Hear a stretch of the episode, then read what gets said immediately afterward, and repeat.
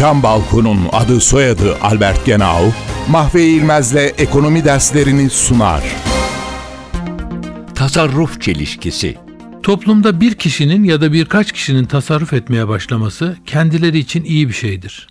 Ayrıca bu tasarruflar yatırımlar için de kaynak oluşturacağı için yararlıdır. Ama bütün toplum tasarruf etmeye kalkarsa bunun sonucu yararlı olmaz.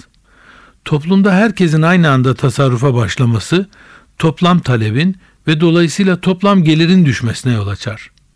Toplam gelir düşünce tasarruflar da düşmeye başlar. Bu yatırımların da azalmasına yol açar. John Maynard Keynes tarafından geliştirilen bu yaklaşım Keynesyen ekonominin temellerinden birisini oluşturur. İşte buna tasarruf çelişkisi deniliyor. Özetle şunu söylemek mümkün. Tasarruf tüketimi düşürecek biçimde geliştiğinde yarardan çok zarar getirir.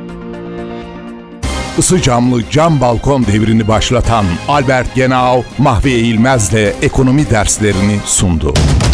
Balkondayız balkonda. albertgenau.com